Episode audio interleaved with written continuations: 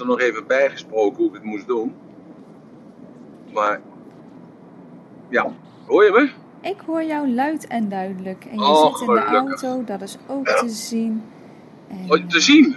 ja, nou ja, ik hoor het, sorry. Hé, je haalt de modaliteiten door elkaar heen. ja, af en toe eh, werkt dat Ja. zo. Ja, maar dat is helemaal niet erg.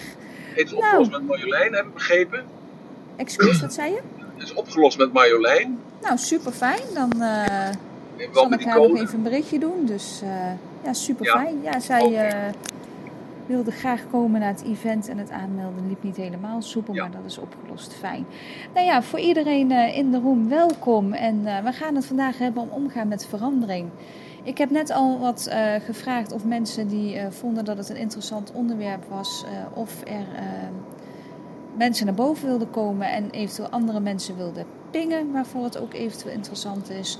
Volg Emiel ook niet alleen hier op eh, Clubhouse, maar volg hem ook vooral op de social media. Hij is eh, overal volgens mij actief, zelfs op TikTok. En eh, ja, dan kunnen we van wal gaan. Deze room wordt opgenomen. Ik heb nog een vraag in de backchannel, zie ik nou net. Even kijken, want dat ging over gisteren. Misschien wil je daar eerst op inhaken, Emiel. Ja, Je, is goed. je, je had het over kinesthetisch is anders dan intuïtie. Ja. Hij zei dat hij het later over intuïtie zou hebben. Zou hij misschien daar vandaag over kunnen hebben? Of Ja. kun je dat op morgen als onderwerp gebruiken? Dat is de vraag eigenlijk. Ja, ja, ja. Nee, eh, eh, dat wil ik wel doen. Het, kijk, heel veel mensen hebben een gevoel. Ben ik gisteren geloof ik mee geëindigd. Hè, dat, dat vandaag de dag dat dat dus een beetje een, eh, een modaliteit aan het worden is. eh, dat het jouw gevoel is, maar dat moet dan maar gedeeld worden met andere mensen. En daar moeten andere mensen dan maar begrip voor hebben. Dat jij dan eh, een bepaald gevoel krijgt naar aanleiding van een beeld. Of naar aanleiding van een geluid, hè, een woord of een muziekje. En dat jij daardoor een, een trigger krijgt. Dat kan zijn uit het verleden. Maar dat kan ook zijn gewoon een associatie zijn. Eh, dat kan dus een negatief anker zijn, een stimulus-responsreactie.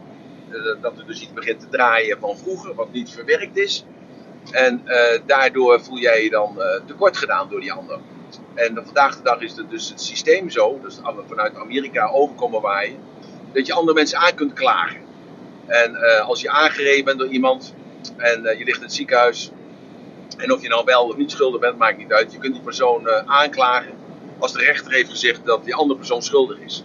En zo gaan mensen dus dat ook uit zijn verband trekken. En gaan mensen aanklagen omdat eh, jij dat gevoel hebt gekregen door die ander. Je legt dat dus, dus buiten jezelf. Hè, want dat heeft, die ander heeft dat veroorzaakt. Jij hebt dat gevoel wat jou niet bevalt. Jij voelt je tekort gedaan. En jij gaat hem of haar aanklagen met een financiële vergoeding. Zo, dus dat is het systeem. En er zijn mensen die maken daar al een eh, ruim eh, gebruik van. En maken daar ook een praktijk van. Heel veel advocaten, zogenaamde letseladvocaten, die zijn daar specialist in. En er, zijn, er komen steeds meer advocaten die daar een eh, gat in de markt zien. Zo, dus dat betekent dus een gevoel hebben. Dat is een, eh, altijd een, eh, iets. Dus dat er een trigger is. Dat is het verschil. En dus elk gevoel is een, wordt getriggerd door iets. Dus dat is dus iets externs. Maar dat kan ook intern zijn. Je hebt dus twee soorten communicatie. De externe communicatie en de interne communicatie. Dus de externe communicatie, dus de ander, hè, dus de, de. Het kan ook een, een blad zijn wat valt van de boom. Het kan zijn een, eh, een lettertype eh, wat je ziet bij een voor, voorbijrijdende auto. Eh, het kan een, een geluid zijn op, van kraken in de radio, waardoor jij een bepaald gevoel krijgt. En dat heb je ook als je in een ruimte komt. En dan zijn er mensen die zeggen, ja, het is een negatieve energie wat daar heerst. Ik voel dat zo. Ja, maar dat is dus omdat zij iets waarnemen wat een negatieve trigger is voor hen. Dus dat is gevoel. Intuïtie is heel iets anders. Intuïtie is dus iets van binnenin dat je contact hebt met gene zijde. En gene zijde is onbegrijpbaar en ongrijpbaar voor ons, omdat het hele andere dimensies zijn. Wij denken in lengte en breedte en hoogte. En we denken in vroeg en laat. We denken in goed en slecht. We denken in dromen en realiteit. We denken in illusie en voorstellingsvermogen. Kortom, daar denken wij allemaal aan. Maar gene zijde heeft al die beperkingen niet. Daar is enkel en alleen maar licht. Zo. En enkel en alleen maar licht wil zeggen dat daar ook geen slecht is. Daar is niets slechts. Het slechte bedenken wij. En als je die uh, draai kunt maken, hè, dat het goddelijke, en of dat nou Allah is, of Boeddha is, of uh, Hare Krishna is, of het, uh, maakt niet uit. Als je die draai maakt met jezelf, dat dus het gevoel altijd getriggerd wordt door iemand anders. Ik had laatst nog iemand, en die, we kwamen samen in een ruimte, en die persoon zei tegen mij: oh, Ik voel me zo slecht. Oh, in, mijn, in mijn intuïtie zegt dat. Ik zei: Nou, kom, we gaan nog even naar buiten toe. En toen heb ik haar een blinddoek opgedaan. Ik heb haar een, uh, een mondkapje omgedaan. Die hadden natuurlijk bij ons. De, de andere uh, mondkapje als blinddoek. Ik heb haar opgestopt met watjes. En we zijn naar binnen toe gegaan. Ik zeg, wat voel je nu? Ja, ze zegt, ik voel niks. Ik voel me alleen gelaten. Ik zeg, precies. Ik zeg, dus het was iets externs wat dat negatieve gevoel bij jou oproept. Zo, intuïtie is heel iets anders. Intuïtie is, ik heb dat wel eens eerder genoemd, alsof je kijkt door een sleutelgat naar gene zijde. En dan staat daar aan gene zijde een gebeurtenis. En in die gebeurtenis is geen tijd. Het kan net zijn dat jij door dat sleutelgat kijkt, daar fijngevoelig voor bent. Mensen zijn, kunnen fijngevoelig zijn. Zoals bijvoorbeeld de Jomanda is heel fijngevoelig. En die kijkt dan heel af en toe, maar meer dan ik door dat sleutelgat. Of meer dan jij door dat sleutelgat. Waarom? Omdat ze dat vaker heeft gedaan en omdat ze dus een lijntje heeft met gene zijde, zoals ze dat dan noemt. Dat is ook, een, uh, ook maar, en dat moet je dan ook maar uh, een beetje, uh, ja, hoe moet je dat nou zeggen, relativeren, moet je relativeren.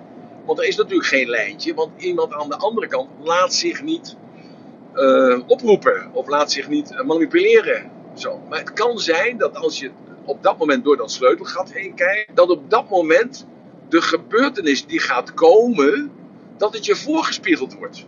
En hup, het is weer weg. Dus zie het als een soort droom. En dat is nou intuïtie.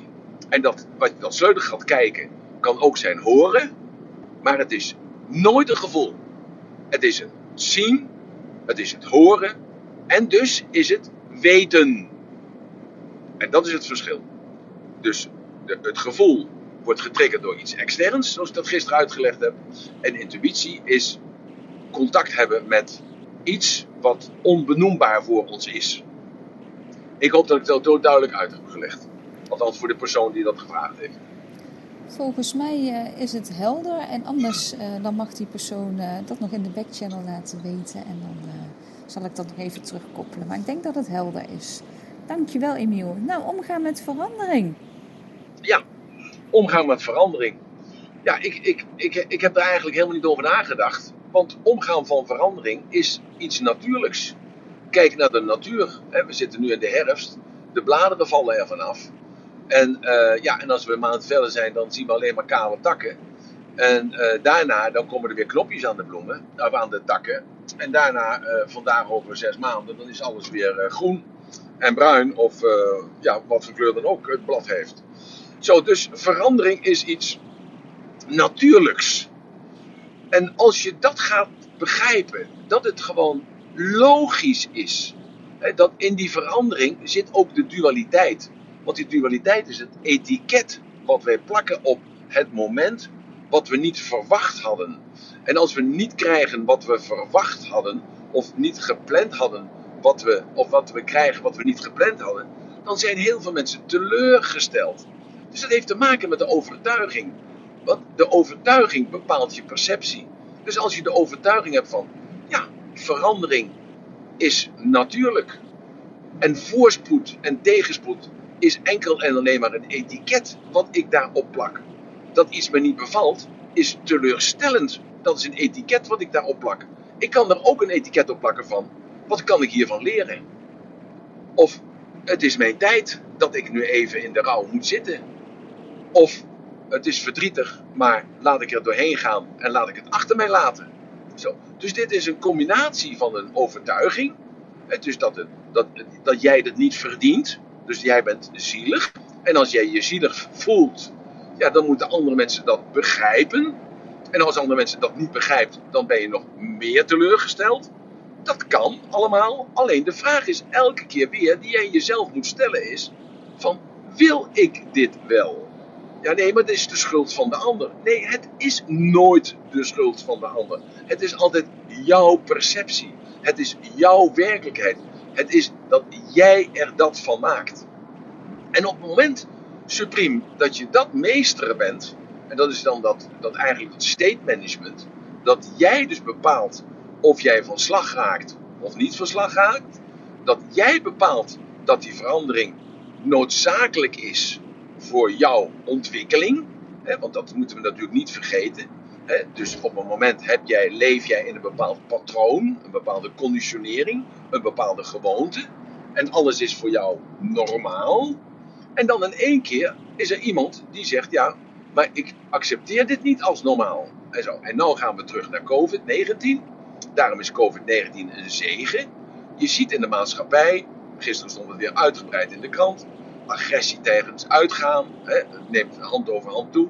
Uh, op de voetbalvelden neemt agressie neemt hand over hand toe. Uh, mensen op straat uh, bejegenen elkaar niet vriendelijk, maar juist agressief. En aan de andere kant hoor je en zie je dat niet in de kranten, maar tegelijkertijd bemerk je ook dat andere mensen daar anders op reageren. Op die onzekerheid die er nu is in COVID-19. Hoeveel mensen mij gebeld hebben door te zeggen: ik wacht eerst even af wat de persconferentie van aanstaande dinsdag gaat vertellen voordat ik een beslissing neem. Nee, jij moet die beslissing nemen onafhankelijk van wat er gezegd wordt aankomende dinsdag. Waarom? Omdat jij je dan in een bepaald gebied begeeft waarin jij de meester bent. En als jij je traint zoals je dan luistert naar Rutte en de Jong, die dan gaan vertellen wat de regels zijn, ja, dan ga jij daartegen verzetten of jij gaat je daaraan aanpassen.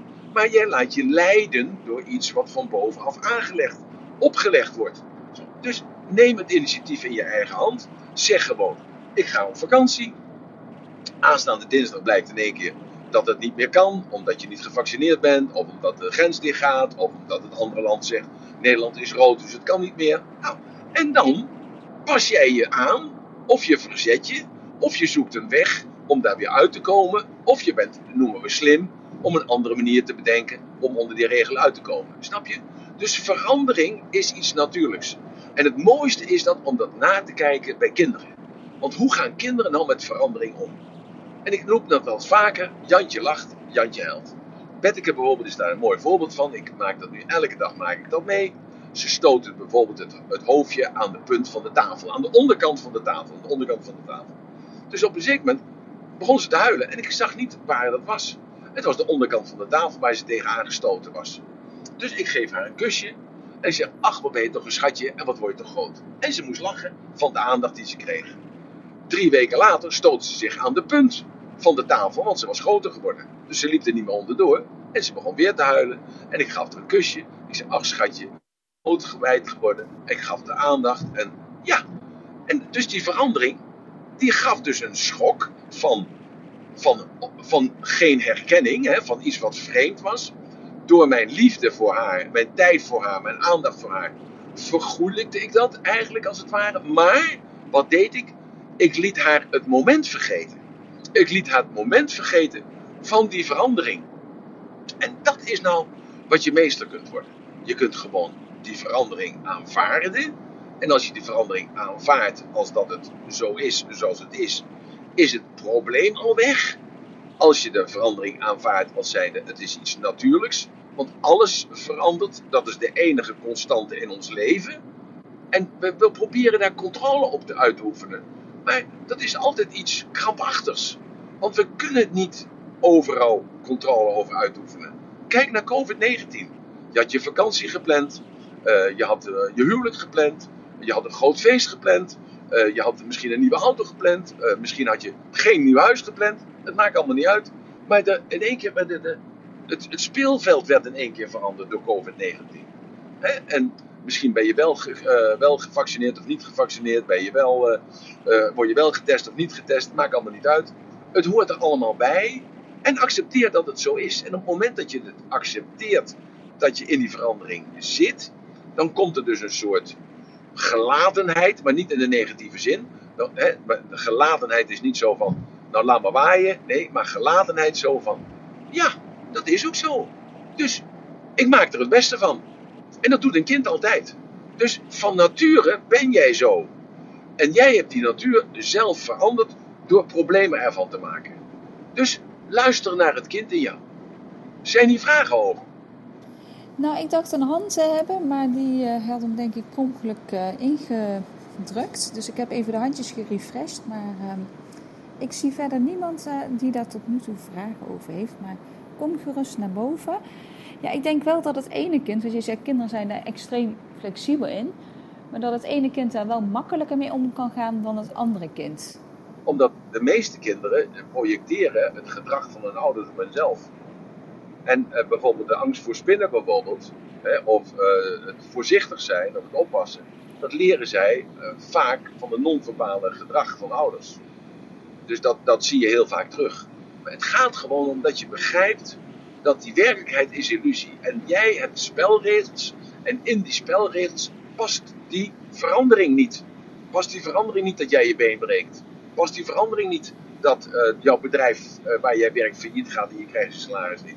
Uh, die verandering past jou niet dat, dat in één keer dat je kaal wordt, of dat je grijs wordt, of dat je rimpels krijgt, of ja, noem maar even iets op. En we proberen dat te controleren omdat we verwachtingen hebben hoe het zou moeten gaan. Maar neem, neem mezelf nou even. Ik maak een plan voor deze week. En dat plan wordt in stukken gehakt voor elke dag. En, en elke dag hak ik dat ook weer in stukken. En uh, daar ga ik dan op aan. Ik moet dan bijvoorbeeld ik moet dan om half twaalf in Almere zijn. Nou, uh, ik had een agenda gemaakt voor vandaag met opnames uh, in Almere, in Veenendaal, in Ede, in Arnhem en in Den Haag. Zo, dus dat stond vast.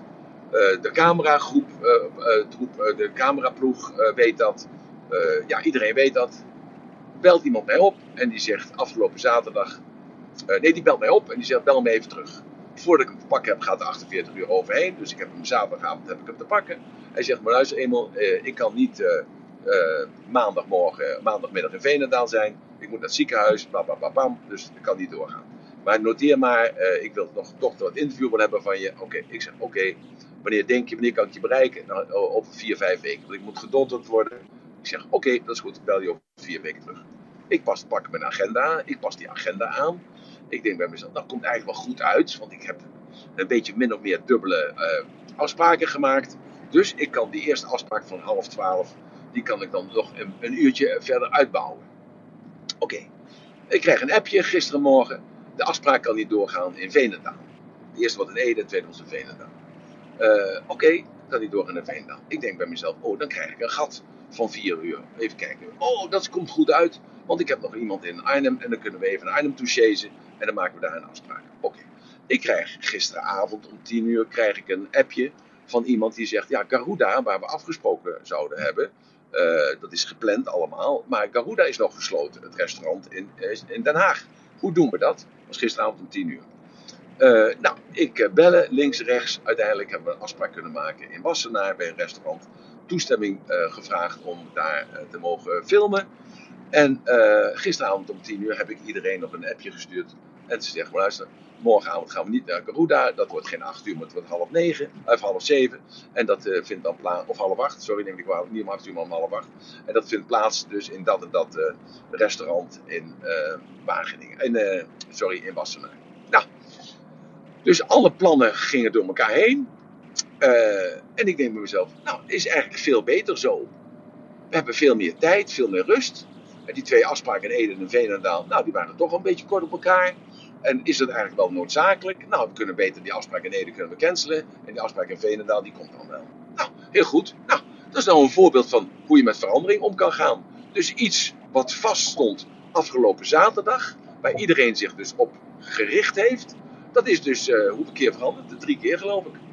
En het is hartstikke leuk, want daardoor blijft het leven afwisselend, daardoor blijft het leven spannend, daardoor doe je heel veel onverwachte dingen en daardoor ja, blijf je wakker en blijf je bij de les.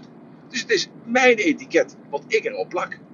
En als ik dit vertel, zeggen mensen, ja, daar word ik helemaal hartstikke gek van. Ja, als je tegen jezelf zegt dat je er gek van wordt, ja, dan word je er ook gek van. Want jij bepaalt dan zelf of je er gek van wordt. Of dat je het juist spannend vindt. Het juist afwisselend vindt. Dat bepaal je zelf. Dus het heeft te maken met de overtuiging die je hebt over verandering. Veranderen mag. Daarom zeg ik ook, je mag altijd terugkomen op een eerder genomen beslissing. Dat mag. Heel veel mensen zijn daar heel rigide in. Die zeggen, nee, eenmaal een beslissing, altijd een beslissing. Ja, Maar je mag altijd terugkomen op een genomen beslissing. Waarom? Omdat je hebt voortschrijdend inzicht. En als je geen voortschrijdend inzicht hebt, ja, dan heb je toch uh, nog wel huiswerk te doen.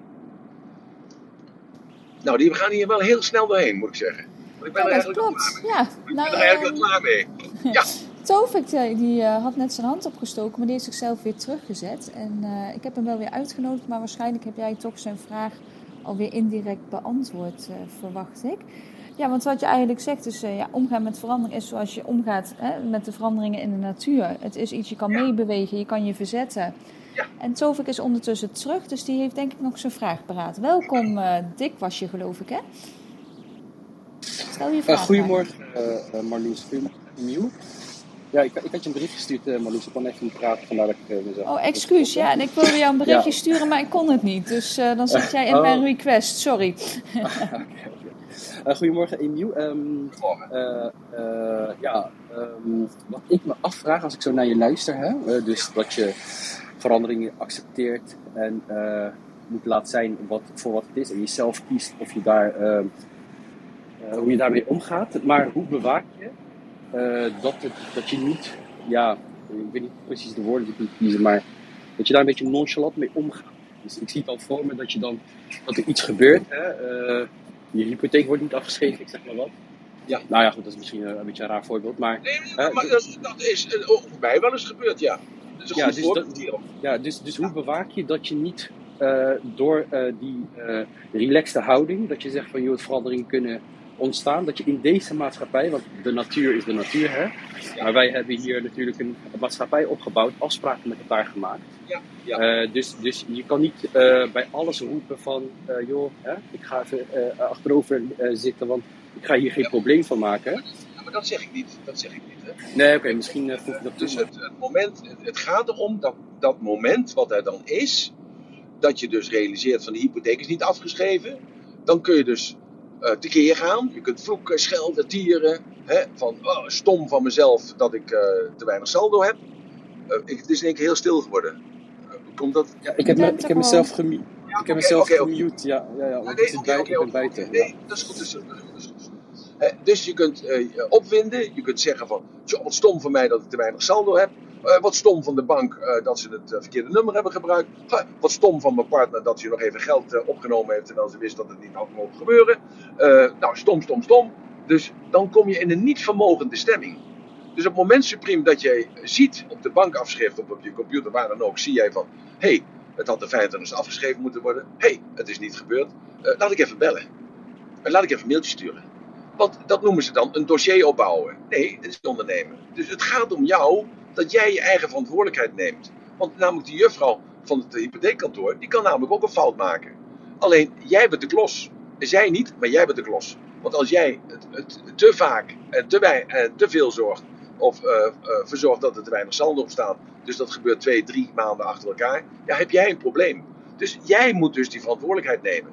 Het gaat erom, wat is de consequentie van jouw gevoel? De consequentie van datgene wat jij denkt, wat er gebeurt met die verandering en het onverwachte. Daar gaat het om. Ja. En als jij dus voor jezelf van, ik, eh, ik verwijder iedereen, dan leg je het buiten jezelf neer. Nee, wat kan ik eraan doen vanaf vandaag, nu, op dit moment, om het recht te zetten? Ik geef een voorbeeld. Bijvoorbeeld, ik heb de reis naar Thailand, had ik al geboekt eh, vorig jaar om in april daar naartoe te gaan. Vorig jaar was het eh, 2020, ja, vorig jaar. Nou, daar kwam de COVID eh, kwam daar overheen, dus we konden er niet uit. Oké, eh, ik heb gebeld met Singapore Airlines. Ik heb gezegd, mevrouw, hoe doen we dat? Toen zegt ze, nou, eh, verzet u het maar. Ik zeg, nou, dan verzet ik het. Dus ik heb het verzet vorig jaar, september geloof ik, of oktober. Nou, COVID was er nog, de grens was dicht. Dus toen werd ik weer gebeld en ze, nou, eh, verzet u het maar. Oké, nou, ik moest daar een paar tientjes voor betalen. Ik dacht bij mezelf, ja, eigenlijk ik bij mezelf, ja, het is niet eerlijk. Ondertussen, eh, voor die vliegtuigmaatschappij, want die eh, heeft ook maar te maken met allerlei regels. Die moet het ook allemaal maar uitvoeren. Die moet ook maar dat, eh, dat geklets van die ratelmond aanhoren. Dus ik heb met liefde en plezier eh, 20 of 25 euro betaald. Zo, en ik heb het daarna nog een keer veranderd. Want toen bleek dus dat eh, Phuket eh, als een sandbox werd ge- gebruikt. En je moest naar Phuket vliegen. En nou ja, heel verhaal is allemaal niet interessant. Zo, dus ik heb het drie keer heb ik het eh, aangepast en veranderd. En in de tussentijd heb ik geloof ik zeven of acht mailtjes gekregen van uh, Singapore Airlines dat de uh, aankomsttijd werd veranderd. Ze vlogen naar Singapore in plaats van naar Hongkong. Ze kwamen hier aan en later gingen weg. En weet ik veel wat allemaal toestanden. Dus ik heb het allemaal in de map gedaan. In de map onder de negende of onder de achtste. En ik heb het gisteren even uitgezocht. En ik denk, oké, zo laat ga ik weg. En zo. Pam, pam, pam, zo. Het is heel koud eigenlijk als het ware. Zo, dus het gaat erom, hoe ga jij daar zelf mee om? Dus die verandering is, dat wordt je opgelegd van bovenaf. Bijvoorbeeld met dat vaccineren. Of met, die, uh, met zo'n ding achter in je keel. Ja? En hoe ga je daarmee om? Je kunt verkrampen. Je kunt je flexibel opstellen. Je kunt je agressief gedragen. En de meeste mensen hebben daar dus een afweermechanisme in. Want zijn niet gewend om zich... Want alles is geregeld. Je leert op school in de rij te staan, naar binnen te gaan. Het gaat altijd beginsmorgens altijd om half negen. En uiteindelijk altijd middags om drie uur. Uh, woensdagmiddag heb je vrij om twaalf uur. Dan is dat gepland. Ga je naar tennissen, hockey of een voetbalclub. Of je gaat thuis, ga je kattenkwaad uithalen, maakt niet uit. Zaterdag ga je met papa ga je naar de macro. Of uh, papa en mama ga je naar de stad. Of je gaat de auto wassen, weet ik veel wat. Er is dus een soort rituelen zijn er, waar je je aan vasthoudt. Maar die rituelen zijn er om dus die vastigheid te creëren. Maar je moet natuurlijk oppassen dat je dus niet verslaafd wordt aan die rituelen. Want het moment dat jij dus dat ritueel, en dat is weer een heel moeilijk standpunt, want dat is een heel moeilijk iets, dat moet je zelf bepalen, daar komt je eigen verantwoordelijkheid dus aan te pas. En dat is namelijk als het zo vast is dat het dus in beton gegoten is, dan moet je er gelijk afstand van nemen. Want je moet leren blijven veranderen. Daardoor blijft dat creativiteitsproces in je eigen lichaam ook uh, bezig. Waarom denk je dat ik zo jong van geest ben? Omdat ik uh, plannen maak vandaag over 25 jaar. Ja, dat is niet gezond. Mensen zeggen tegen mij, ja, wie zegt dat jij 98 wordt? Ik zeg, uh, ja, en? Ja, en als je dood neervalt als je 87 bent? Ja, en? Dan heb ik in ieder geval tot die laatste dag heb ik alles uit mijn leven gehaald. Ja, aan, aan, naar wie moet jij je dan bewijzen? Ik zeg, nou, bewijzen. Ik zeg, eh, ik wil gewoon een zinnig leven leiden voor mezelf. En ik wil mijn leven inhoud geven voor mezelf. Ja, waar haal, je, waar haal je dat dan vandaan? Ja. waar ik dat vandaan haal, dat heb ik geleerd doordat ik zoveel veranderingen heb mee mogen maken in mijn leven. En dat ik ook eerst daar heel rigide in stond. En dat ik dacht bij mezelf, brengt het me verder? Nee, het brengt me niet verder. En daar kan ik je duizenden, duizenden, duizenden voorbeelden voor geven. En, en dat is het voorbeeld als je dus nou ZZP'er wordt. Dan ga je een gebied in dat je te maken krijgt met heel veel andere soorten mensen en instellingen en instanties. En met, met alle mensen die aan de andere kant van de tafel zitten. En die jou allerlei dingen opleggen. Nou, het is mijn kunst altijd om er altijd het beste van te maken. Ik geef een voorbeeld. Uh, van de week belde een huurder mij op. En een hele aardige man. En die man, ik heb het wel, oh ja, ik heb, oh ja, ja, ja, ja, ja, ik heb hem wel eens vernoemd. Dat, dat die vent zich hield aan de afspraken. Maar Loes, volgens mij was je toen nog in de room. Dat die man hield zich aan de afspraken. Ja. En, die maakte er nog een grapje over. Ja? En uh, nou, dus die man die belt mij op en die zegt, hij zegt, maar luister eenmaal, hij zegt, ik heb een probleem. Ik zeg, nou, ik zeg, maar waarom bel je mij dan? Hij zegt, nou, jij hebt altijd een oplossing. Ik zeg, nou, dat vind ik wel leuk. Nou, dan heb je al de naam dat je altijd een oplossing hebt. Zo, dus ik zeg, wat is het probleem? Hij zegt, ik heb een parkeervergunning nodig en ik krijg geen parkeervergunning. Ik zeg, uh, ik zeg, nou, dan moet je die site oproepen. Ik zeg, en op die site moet je 146 euro betalen en dan bam. Hij zegt, ja, zit die, maar die auto staat niet op mijn naam. Nou, dan weet ik natuurlijk, kan ik wel verzinnen waarom die auto niet op zijn naam staat, maar dat maakt ook allemaal niet uit. Dus ik zeg tegen hem, ik zeg, nou, dan moet je een huurcontract maken met de eigenaar. Hij zegt, hoezo een huurcontract maken met de eigenaar? Ik zeg, nou, 80% van de mensen die rijden in een auto waar het kenteken niet op naam staat van die persoon. Want ze leasen een auto, of ze huren een auto, of ze lenen een auto. Ik zeg, dus je moet een verklaring hebben waardoor die ambtenaar die dat die parkeervergunning afgeeft, gedekt is doordat jij een briefje hebt gestuurd en dat is een huurovereenkomst met die persoon voor wie die auto is. Ik zeg, en dan maak je ook nog eventjes 125 euro over. Ik zeg, naar die persoon, als zijnde de huur van de afgelopen maand. Ik zeg, en dan doe je een kopie van die afschrift, doe je daarbij.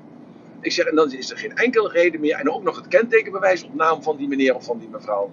En dus de kopie van het, uh, van het paspoort erbij, zodat het originele, originele handtekening is. Zo, ik zeg, en als je dat pakket zo bij elkaar doet en je geeft dat aan die ambtenaar, is die ambtenaar die is gedekt. Want die ambtenaar denkt maar aan één ding. Als ik een fout maak, dan word ik op de mat geroepen en dan krijg ik ontslag. Dat is een verandering die hij niet wil. Zo, ik zeg, en zo moet je denken. Hij zegt, is het zo simpel? Ik zeg, ja, zo simpel is het. Nou, dat heeft hij gedaan. En binnen een dag had hij de parkeervergunning. Tovik, is het zo helder voor je? Ja. Of Abs- sorry. oh. Ah, absoluut, absoluut. Ah, eh, ik heb nog even een eh, vraag, even terugkomen. Heb ik nog even een vraagje op eh, wat Emiel, eh, wat jij zei over, dat, over die hypotheek, of laten we dat als voorbeeld houden. Hè, dat je dus de, inderdaad, eigenlijk zeg jij in probleemoplossingsgericht te werk gaan. Hè? Het Ja. heeft geen zin om te blijven hangen en dat bepaalt ook weer gelijk je stemming. Dus, dus, en, en hoe jij het gaat aanpakken. Akkoord. Ehm, en dan zeg ik, eh, kijk, eh, ik, ik, ehm, eh, zo ga ik vaak ook te werk. Hè? Ehm, eh, alleen wat ik bij mezelf merk, is dat ik soms, laten we het even houden bij dat voorbeeld van de bibliotheek. Ehm, dus ja, ik ga dan ook bellen inderdaad, klopt. Ik ga kijken, ik denk, nou ja, het is geen ramp, het kan gebeuren. Ik bedoel, instellingen hebben altijd wel een afdeling die dit soort di- dingen bespreken. Ik ga bellen. Als, je- Nou, geluk hebt. Als je geluk Ja, hebt. als je geluk hebt. Ja, precies. Eh, eh, en dan ga je En, bellen. en die mensen die je aan de telefoon krijgen, die zijn altijd autistisch. Ja? Ja, Die ja, zijn altijd autistisch, want als jij je enigszins je stem verheft, dan zeg je, ja, maar daar ben ik niet van gediend. Jij, Ja. Dus even... Of, of, ik, zal zo direct nog even een, voor- ik zal zo direct nog even een ander mooi voorbeeld geven, van SNS-bank. Ja, of als, ze roep, of als ze roepen, meneer, ik versta u niet, weet je wel. Ja, precies, ja. Ja. Maar goed, even ve- verder. Eh, dus, dus ik ga bellen met die bank. Opgelost, het probleem staat erop. Maar hoe bewaak je dat, eh, ehm, dat, dat het, doordat je het aan de voorkant eh, oplost, dat je dus niet weet wat de oorzaak is. Het heeft ook met bijvoorbeeld wat de achterliggende oorzaak is van dat, dat je dus eh, die, dat die afscheiding niet is gelukt. Het kan ook met andere dingen gebeuren, met, met mensen bijvoorbeeld. Hè. Je hebt ruzie Ja. met iemand. En dan ben ik altijd zo iemand die heel nuchter ernaar kijkt, kijken wat ik fout, eh, wat ik beter eh, kan doen en, Ja. enzovoort. Maar misschien, dat is dus heel probleemoplossing, hoor, dat is goed. Maar misschien ligt er toch iets aan, gro- aan de grondslag dat ik dan die issues met iemand heb. Ehm, eh, ehm, ja, doordat ik dan op probleemoplossing gericht eh, eh, eh, te werk ga, wordt het misschien aan de bovenkant steeds opgelost. Maar weet je Ja. misschien niet wat aan de diepgaande oorzaak ligt dat dat Maar dat is steeds naar boven komt. Dat is ook niet jouw probleem. Want jij, kunt daar niet, jij kunt daar niks mee. Hetzelfde als die mevrouw die na 60 jaar tegen Bob Dylan zegt... Jij hebt mij 60 jaar geleden heb jij je hand op mijn borsten gelegd. Dus ik ben me seksueel geïntimideerd. Dus, eh, en ik durf je te wedden, als ze 60 jaar geleden bij Bob Dylan is geweest... lag ze zo in zwijm dat ze de hand van Bob Dylan heeft genomen. En gezegd, leg je handen even op mijn borst, want ik wil dat je eeuwig eh, vastgelegd wordt op mijn borsten. Zo even, snap je? Dus jij bent niet verantwoordelijk voor het gevoel van iemand anders. Die andere maakt jou verantwoordelijk voor zijn of haar gevoel. En dat is, de, dat is het probleem. En daar moet je juist om lachen. Dus het, Oh, ja, ja. het, het gaat om jou. Dus wat kun jij doen? Ik ga altijd open en frank ga ik erin. Ik, eh, ja, ik, ik ja, kan je duizenden voorbeelden geven. Dus dat, eh, dat mensen proberen eh, hun probleem mijn probleem te maken. Nee, maar luister, ik heb een verwachtingspatroon. Dus ik, bijvoorbeeld met Marloes, ik noem maar wat. Nou, Marloes, die kennen we allemaal. Nou, eh, eh, ik heb een verwachtingspatroon. En dat is dat Marloes op een bepaalde manier de roemen opent. En ik heb een verwachtingspatroon dat Marloes op een bepaalde manier analyseert. En op een, zo. en op een zeker moment, dan, dan doet ze dat niet. Eh, dus ze analyseert niet. Eh, of ze is niet zo gebekt. Of ze is niet zo gevat. Of ze is niet zo, weet ik veel wat. Nou, ik zeg daar niets over. Alleen als de roem afgelopen is, dan bel ik haar. En dan zeg ik, Marloes, dankjewel, was fantastisch. Maar is er wat? Want eh, ik hoorde dat je, niet ander, dat je anders was als normaal. Nou, en dan zegt ze nee. Nou, dan is het voor mij nee. En ik ga niet fantaseren. Denk, ja, zou ze zich schamen? Zou ze ruzie met de vent hebben? Zou de kinderen ziek zijn? Zou het niet gepast zijn? Nee, ik laat het hallucineren, laat ik weg. Ik vraag aan haar, heel simpel, correct. Eh Marloes, was er iets? Want ik voelde dat er iets was. Ze zegt, nee, daar is niks. Nou, dan is het oké. Snap je? Dus die verandering ligt in mij en niet aan haar. Dus ik, ik, ik strijk het glad voor mezelf. En als zij denkt van, ja nee, maar ik heb pijn in mijn hoofd of pijn in mijn tanden. En eh, ja, ik ga dat niet tegen hem zeggen, want eh, dat is eh, onbeleefd. Of, nou, ik moet mezelf voortaan weer tot orde roepen als hij dat in de gaten heeft. Ja, dat is haar probleem.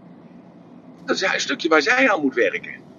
Ja, Of mag de, de werken. wereld zoals jij hem ziet en ervaart Ja. en hoe jij ermee omgaat. Ja. Ja. Ja, want ik ga er gewoon. Dus het is haar probleem. Als ze dat niet wil zeggen. En als ze zegt, ja, ik heb uh, problemen met de tandarts. Hoezo met de tandarts? Ja, nou, die tandarts is uh, afgekeurd en ik heb geen nieuwe tandarts. Want Nijmegen uh, zit, zit de tandarts op slot. En dan zeg ik, ah, wacht even, vind je het goed dat ik even bel met mijn tandarts in Arnhem? Ja hoor, vind je goed. Oké, dus ik bel mijn tandarts. Ik zeg, maar heb je nog plaatsje voor een vriendinnetje van mij? ja, wanneer, wanneer moet kan dat? Ik zeg, nou, heb je nog, wanneer heb je een tijdslot? Een tijdslot, ja, morgenmiddag om 5 uur. Oké, okay, Marloes, bel ik, up, Marloes. Morgenmiddag om 5 uur kun je daar en daar zijn met die tandarts. Goeiedag. Ik heb uh, vorige week nog gedaan met iemand die had uh, kanker, huidkanker op zijn gezicht. Zo, up, die, was, uh, die stond in de rij, die moest drie maanden wachten. Ik zei, nou wacht maar even, ik bel wel even. Nou, ik kon de volgende dag kon die komen. Nou, begrijp je? Dus want ik laat me niet in de stuk state, heet dat dan. In de stuk state. Ik, ja, ik, dat, ja, dus even een voorbeeld even van de bank, de SNS-bank.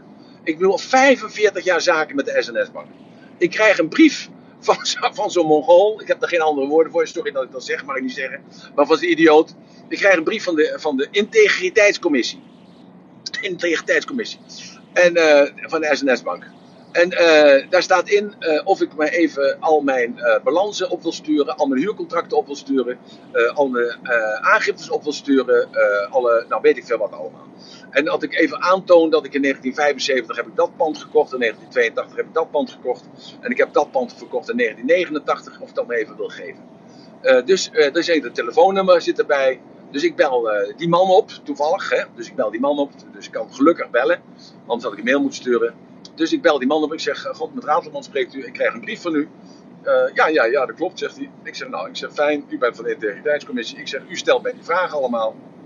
Ik zeg, ik heb die toevallig een jaar geleden allemaal naar u gestuurd. Ik zeg niet naar u, maar naar uw buurman, ook op hetzelfde kantoor in Utrecht. En uh, die liggen daar op zijn bureau.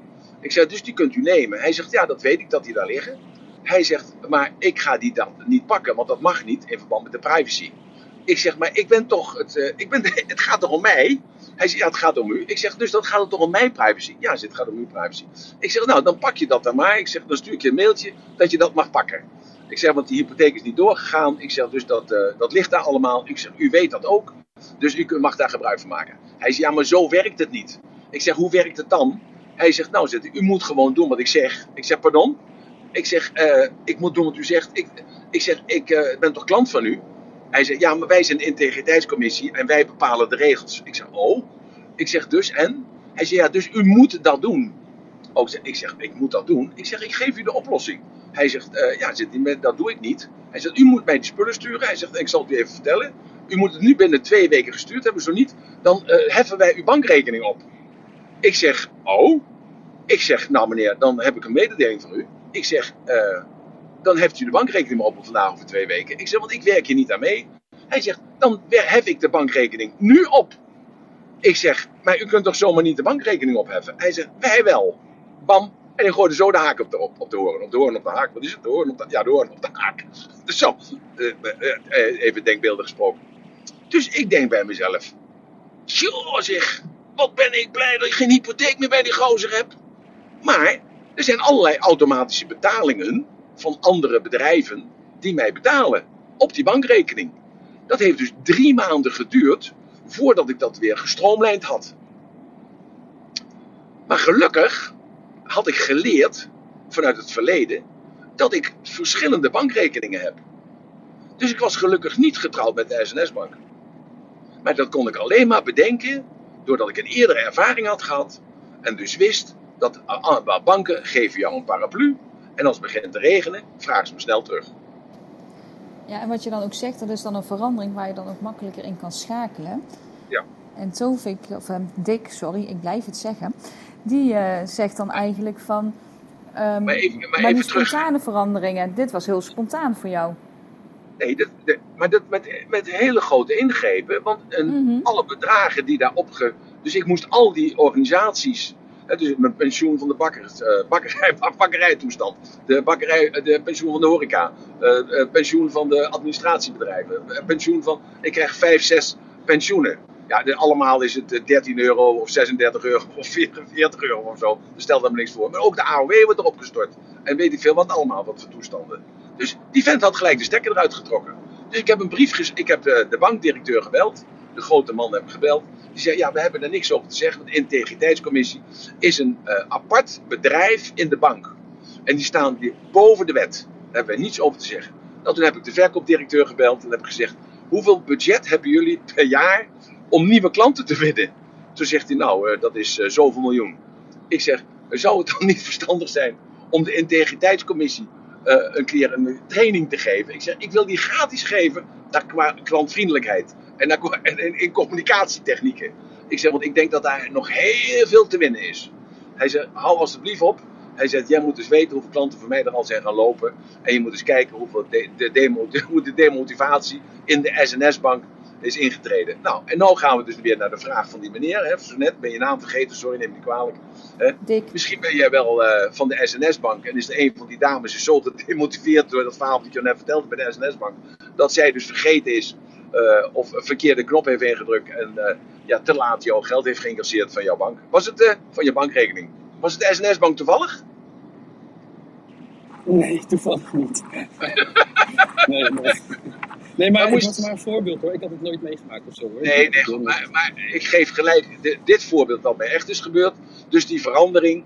En dan denk ik bij mezelf, wat een klote zooi is het er eigenlijk. Zo eigenlijk, begrijp je? Het is aan de ene kant van de bank. Maar zo dus... denk je dan niet, toch? Ja, ja, natuurlijk denk je. Je denkt in de eerste instantie dat je het wil oplossen, toch? En... Nee, ik denk, nee, ik heb gewoon medelijden met zo'n man. Ik heb medelijden met zo'n bank. Dus ik weet toch waar dat dan eindigt met zo'n bank. Dat is hetzelfde als, ik een, als, ik, als jij nou een bedrijf zou hebben met 100 man medewerkers. En jij vraagt aan mij om uh, jouw bedrijf te trainen. Weet je wat het eerste is wat ik doe? Uh, nee. Ik ga jouw bedrijf bellen. Ja. En, en dan blijkt dus dat dat bedrijf een hele andere communicatie heeft dan dat die directeur tegen mij gezegd heeft. En dan zeg ik tegen die directeur die mij gevraagd heeft om hem te trainen en zijn bedrijf te trainen, zeg ik van, bel je eigen bedrijf eens. Hij zegt, waarom moet ik mijn eigen bedrijf bellen? Ik zeg, dan weet je, weet je hoe je als klant behandeld wordt. ja, nou, dan, ja, ja, dus daar begint de training al. Dus de training vindt niet plaats op het moment dat ik er kom vandaag over zes weken. Nee, het begint op dat moment al. Zo, dus dat, het veranderingstraject begint al. Want die man, hè, dus Corbaan, ik heb bijvoorbeeld dat voorbeeld al eens genoemd bij de DAF. Hè, Corbaan belde mij, die zegt, we hebben een probleem, 25 jaar geleden. En we hebben allerlei problemen met uh, de kleine dingen. Dus bijvoorbeeld, uh, het rubber zit niet op het rempedaal. Of de schroef is niet aangedraaid van de buitenspiegel. Of uh, er zit geen nachtlampje op, op de achteruitkijkspiegel. Of nou, allemaal kleine dingen. Hij zegt, je, je moet een keer een seminar geven voor de 150 jongens die in de fabriek werken. Ik zeg, nou, dat wil ik wel doen. Ik zeg, maar ik werk eerst twee dagen mee. Dus ik heb twee dagen meegewerkt. Toen ging ik naar meneer Baan toe. En meneer Baan was echt een industrieel. Hè. Ik heb het wel eens vaker over de drie grote. Hè. Dus de kerk, het kapitaal en, uh, en het fabrieks. En, uh, en, en, de politiek. En dat, dat was echt zo'n echt zo'n ouderwetse industrieel, jongen. Ik uh, moest dan permissie vragen om hem te mogen spreken. Nou, oké, dus ik kreeg hem te spreken. Ik zeg, nou, uh, ik zeg, meneer Baan, ik zeg, ik heb het bekeken. Ik zeg, maar uh, uh, ik wil me een training geven, maar eerst moeten we even één ding doen. En hij zegt, wat dan? Zegt, ik zeg ik zeg, morgenochtend wil ik graag met u één keer lopen. Hij zegt, oh, hij zegt, ja, dat doe ik gewoon nooit. Ik zeg, wanneer is de laatste keer dat u in de fabriek heeft gezeten? Of gelopen? Hij zegt, dan moet ik even aan mijn secretaresse vragen. Ik zeg, nou, hoeft u niks te vragen, dan weet ik het wel. Dus ik sprak af de volgende morgen om 7 uur met hem aan het begin van de fabriek. En ik had uh, allemaal uh, dubbeltjes bij me voor de koffieautomaat. En ik had een baal check bij me en uh, vloeitjes. En we liepen zo door die fabriek heen. En we kwamen niet, en het was acht uur. En dus hij moest naar zijn gewone werk. En we waren ongeveer 20 meter de fabriek ingelopen. En die fabriek was ongeveer van, van 200, 250 meter lang. En we, we, liepen verder. En ja, hij moest gewoon zijn, zijn andere zaken doen. En toen zegt hij tegen mij: Een aai openen zeg. Nou begrijp ik waarom die foutjes gemaakt worden. Er is geen aandacht voor. Ik zeg, nou precies. Ik heb dat seminar nooit hoeven te geven, maar de problemen waren binnen een week opgelost. Want vanaf dat moment liet hij zich elke morgen om 7 uur door die, uh, aan het eind van de fabriek uh, neerzetten door zijn chauffeur. En dan liep hij elke dag met die dubbeltjes en een baal check liep hij door die fabriekshal heen. En de jongens, de, de fabrieksarbeiders, die zagen hem en wisten gewoon van, hé, hey, dat is de baas. Hij kijkt naar ons, hij heeft belangstelling in ons. Wat verdikken me, we zijn gemotiveerd. En we draaien dat schroefje aan en we doen dat, dat rubber ook op het rempedaal.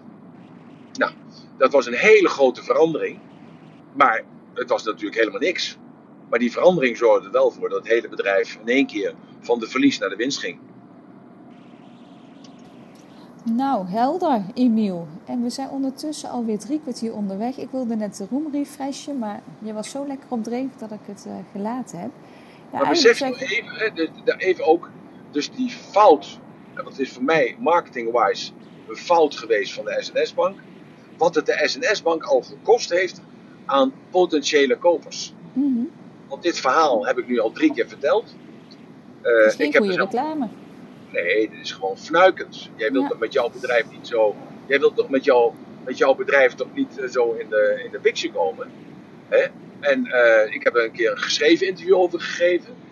Uh, dus, en de, van de SNS-bank hebben ze het gelezen, want die hebben daar speciale mensen zitten die alles, alles verzamelen.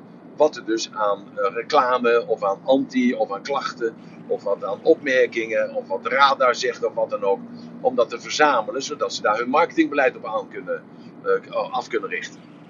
Nou, op, op kunnen, ja.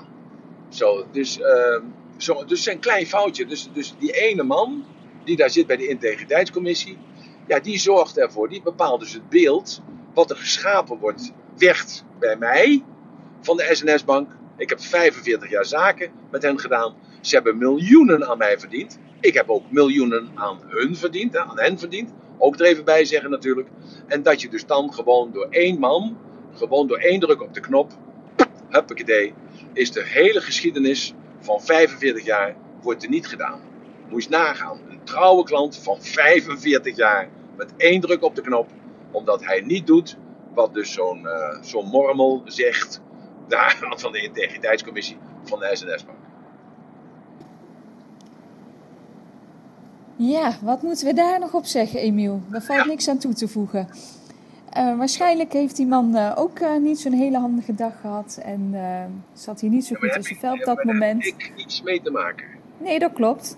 En dat is nou precies wat je ook zegt. Hè? Dat ligt dan buiten jou. Dus daar kun je niks aan veranderen. Waar je wel wat in kan veranderen is hoe je zelf met die veranderingen omgaat.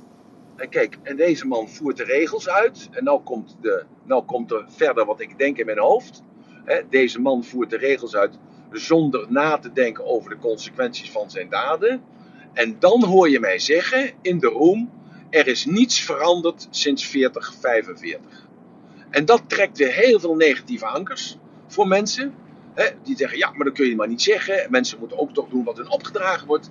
Nee, we leven in een andere tijd. Als er iets is waar jij het niet mee eens bent, dan mag jij dat zeggen.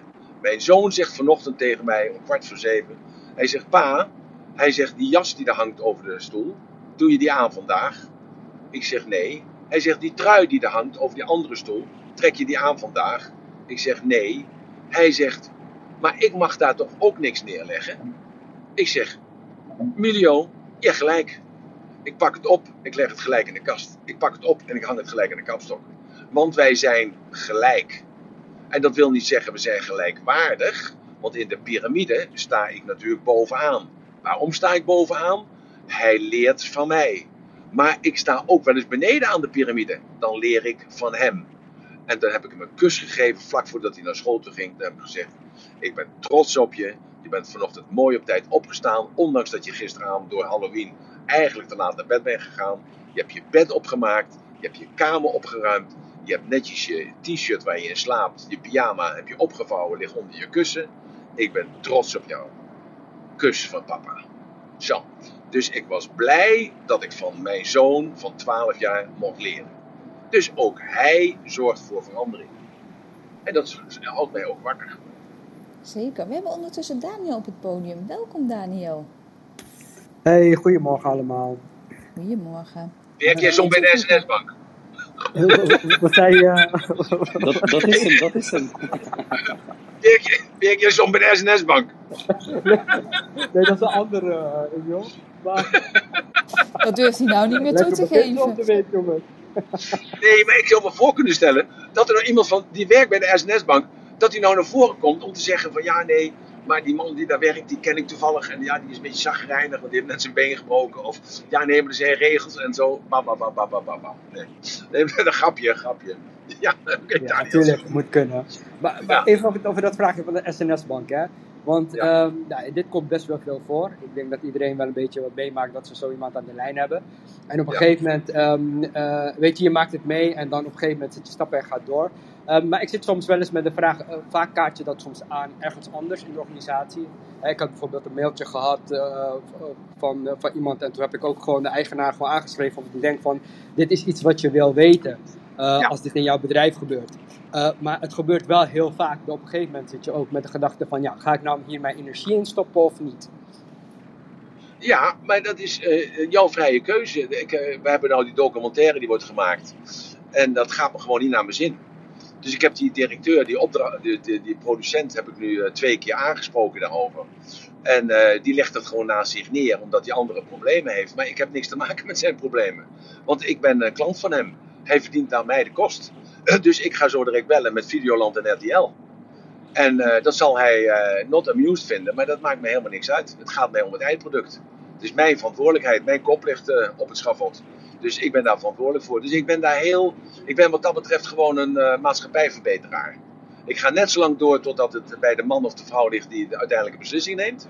En dat heb ik ook bij de SNS-bank heb ik dat ook gedaan. En als die dan zegt, ja, dat is het systeem. Ik moet me aan het systeem houden. Zoals uh, ook een andere directeur van mij zei, van, uh, ook een, relatie van me zei waar ik een conflict mee had. Die zei tegen mij, ja, maar het is niet, zijn, het is niet mijn verantwoordelijkheid. Het is de verantwoordelijkheid van de CFO, dus van de, de, de financiële directeur. Ik zei, dat is kletskoek. Ik zei, jij bent de grote directeur, jij staat daarboven. Dus uiteindelijk ben jij verantwoordelijk. Ik zeg, want als hij de zaak oplicht, of hij betaalt de facturen niet, dan komen ze altijd bij jou. Nee, maar zo werkt het niet in de grote mensenwereld. Ik zeg, dan heeft het einde van jouw bedrijf is al ingeslagen. Zo, en dan denk maar even aan die, aan die rits. Wat ik altijd zeg, dat geldt voor een bedrijf met hetzelfde laken en pak. Dus de focus bepaalt je denken. De denken bepaalt je stemming. Je stemming bepaalt je, je doen en laten, je gedrag. Het gedrag is positief, negatief. Je probeert het te vermijden en je probeert het te krijgen. Dat is de gewoonte. En dat bepaalt je karakter. En als het karakter is, dan is de ondernemer is weg. De pionier is weg. Dan wordt het geleid door managers. En dat zijn geen ondernemers. Kijk naar Elon Musk is daar een sprekend voorbeeld van.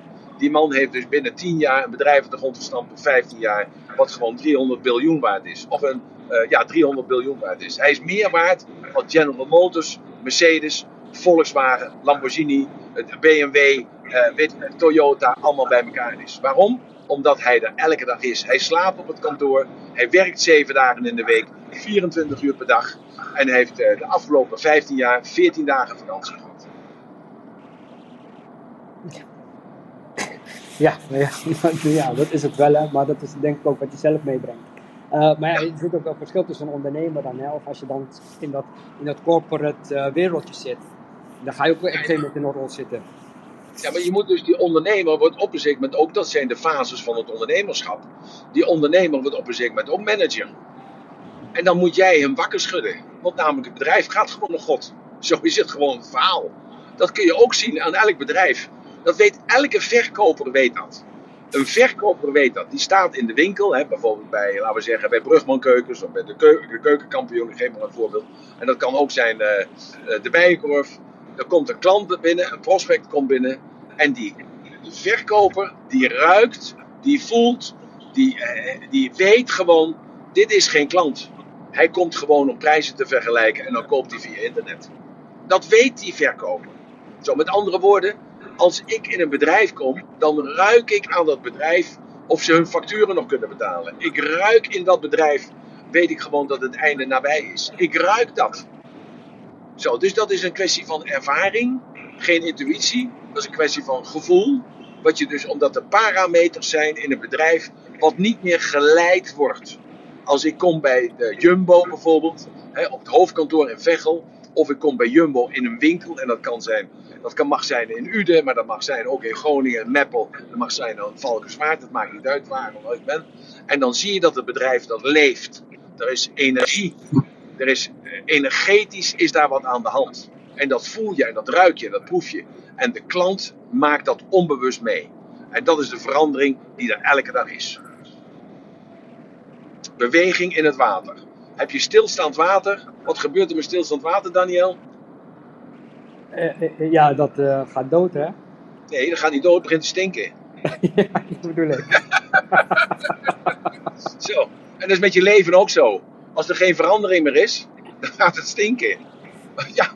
En, en als er geen beweging meer is, en er geen verandering is van je cellen, zo, op dit moment sterven er 100 miljoen cellen. Op dit moment komen er 100 miljoen cellen bij.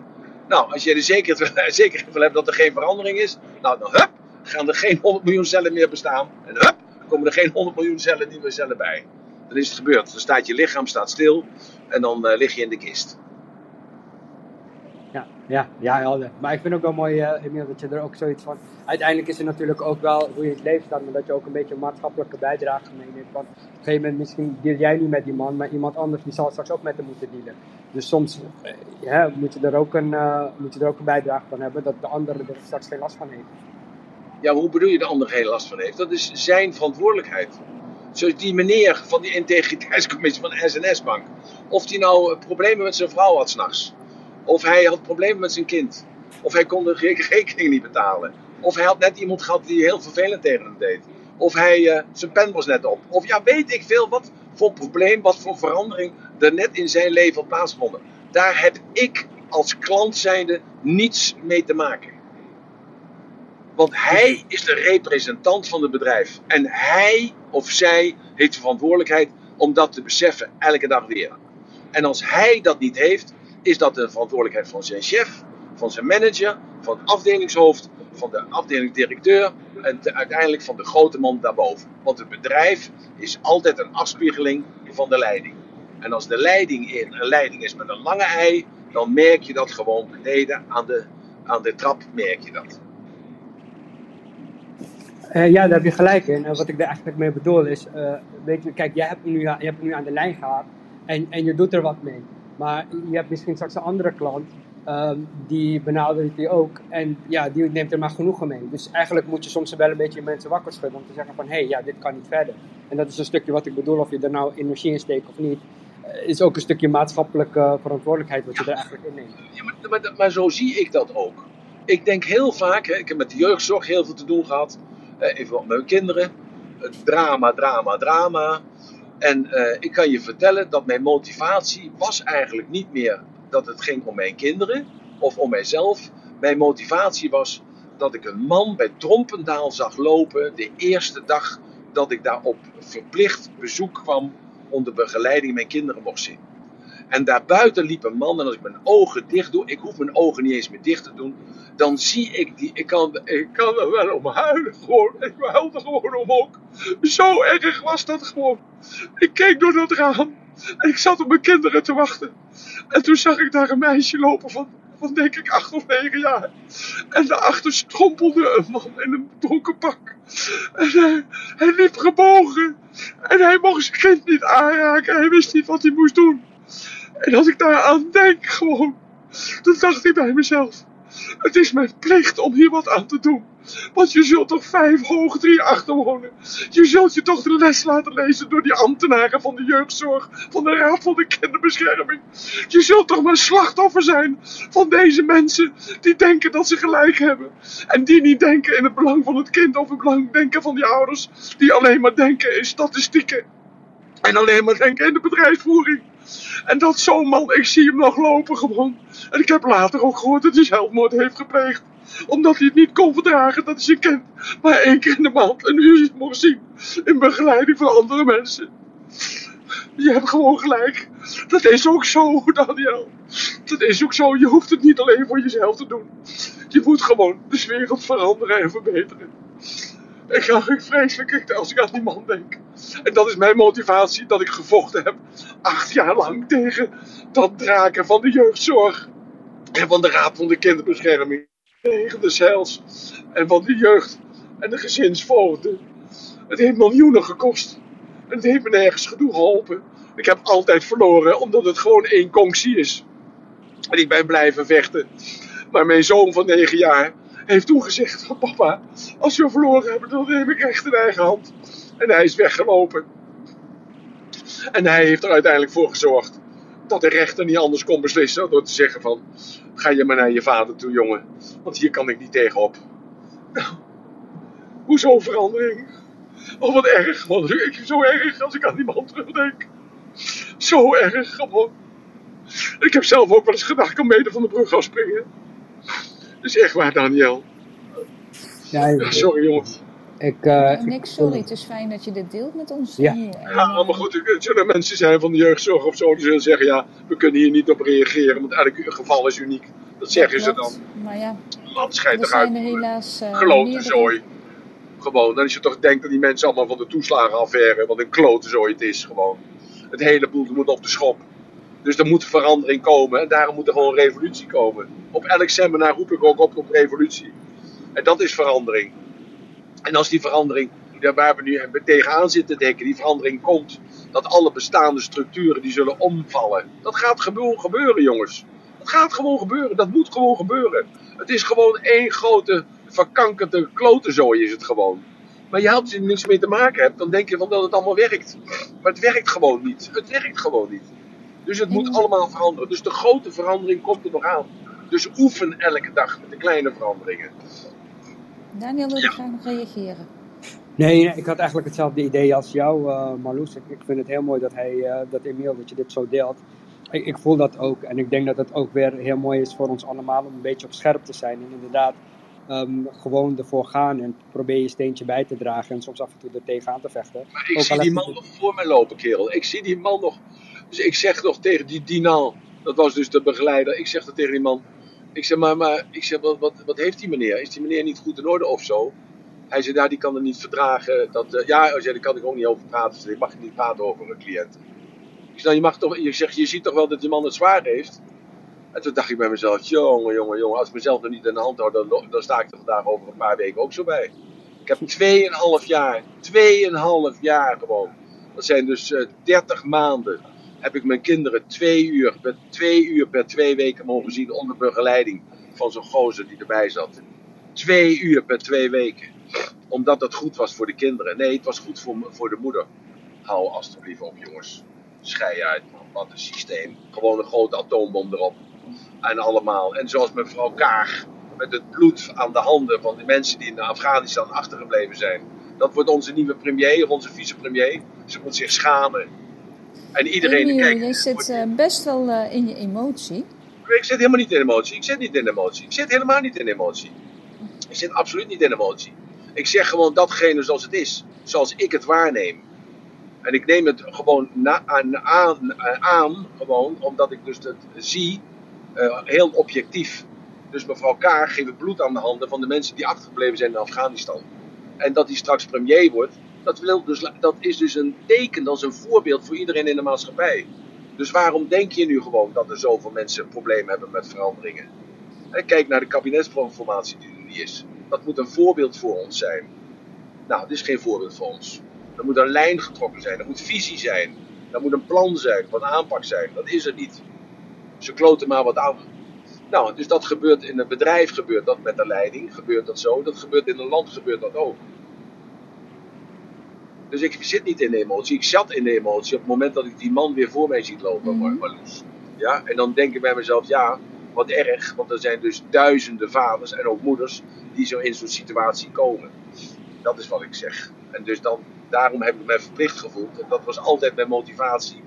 En daar begon ik ook elke rechtszitting mee. Dat ik hier niet alleen sta voor mezelf. Maar ook voor die mensen die dus verbaal niet zo kundig zijn. En niet de centen in de zak hebben om een advocaat te betalen.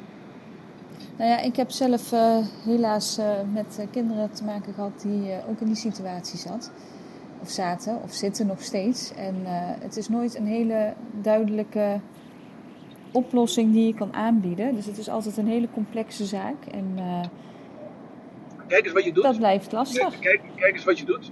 Je rechtvaardigt het weer. Ik rechtvaardig het niet, maar ik zie wel allebei de kanten. Dus ik heb eh, zowel de vaderskant als de moederskant en alles ertussen gezien. En ik zie die worsteling. Ja, nou, dan zijn we. Nou, nou, daarom blijft het een klote zootje. Omdat er gewoon niemand een, eh, door je midden knipt. Zo. En, Dus ja, en wat jij dan zegt, de kinderen zijn daar de dupe van. En dat is gewoon heel triest. Absoluut en kijk, kijk naar de rechters. Kijk tot aan de, de Raad van State toe. Dat die nu toegeven dat ze dus in de toeslagenaffaire fout hebben gemaakt. De Raad van State, jongens, dat is het hoogste rechtsorgaan. Die moeten het objectief meten naar wetten. Niet afgaan op gezegden of wat dan ook. En ze geven toe dat ze dus gewoon inschattingsfout hebben gemaakt. Ze, je maakt geen inschattingsfout met een wet in de hand. Want een wet zegt gewoon linksom of rechtsom. je stopt voor een rood licht en je mag doorrijden door een groen licht. Dat staat in de wet. En daar is geen uitzondering op. Maar vandaag is de dag is er al een uitzondering van ja, hij had te veel in het glaasje eh, eh, eh, gekeken en daarom is hij door een rood licht gereden. Dus daarom kunnen we het niet aanrekenen. Dus wordt hij vrijgesproken. Dat begrijpt niemand meer die buiten op straat dat beluistert. Dat is wat ik zeg. En dat, daar werk jij dan ook mee, Marloes, om dat zo te zeggen. Want er is wel zeer zeker een oplossing.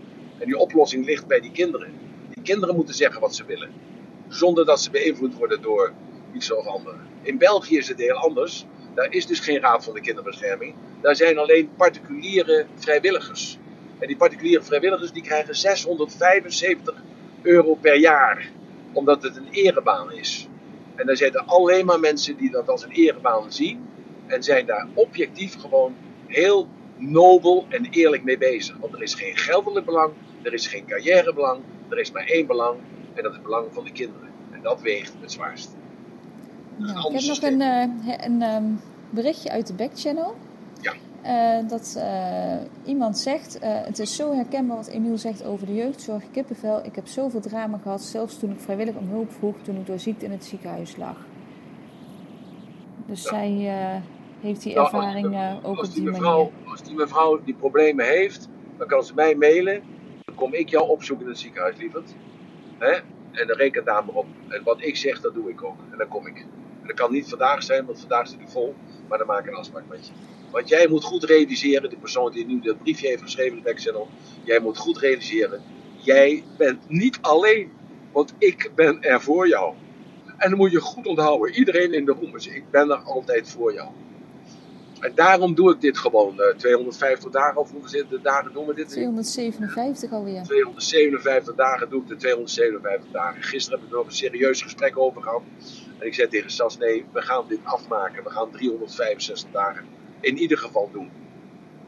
Ook, hè, want het gaat niet om de grote getallen. Het gaat natuurlijk om de persoon die er wat uithaalt. En het, nou goed, maar goed, een andere discussie. Dus verandering is een constante. Dus de enige constante die er in het leven is, is verandering.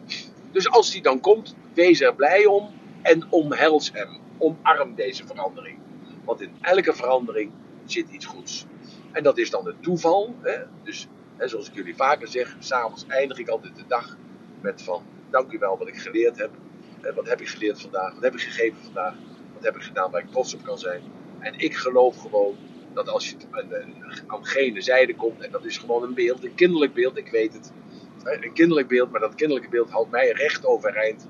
En dat kinderlijke beeld zegt dat als ik aan de overkant kom, dan zal daar iemand staan met een groot boek.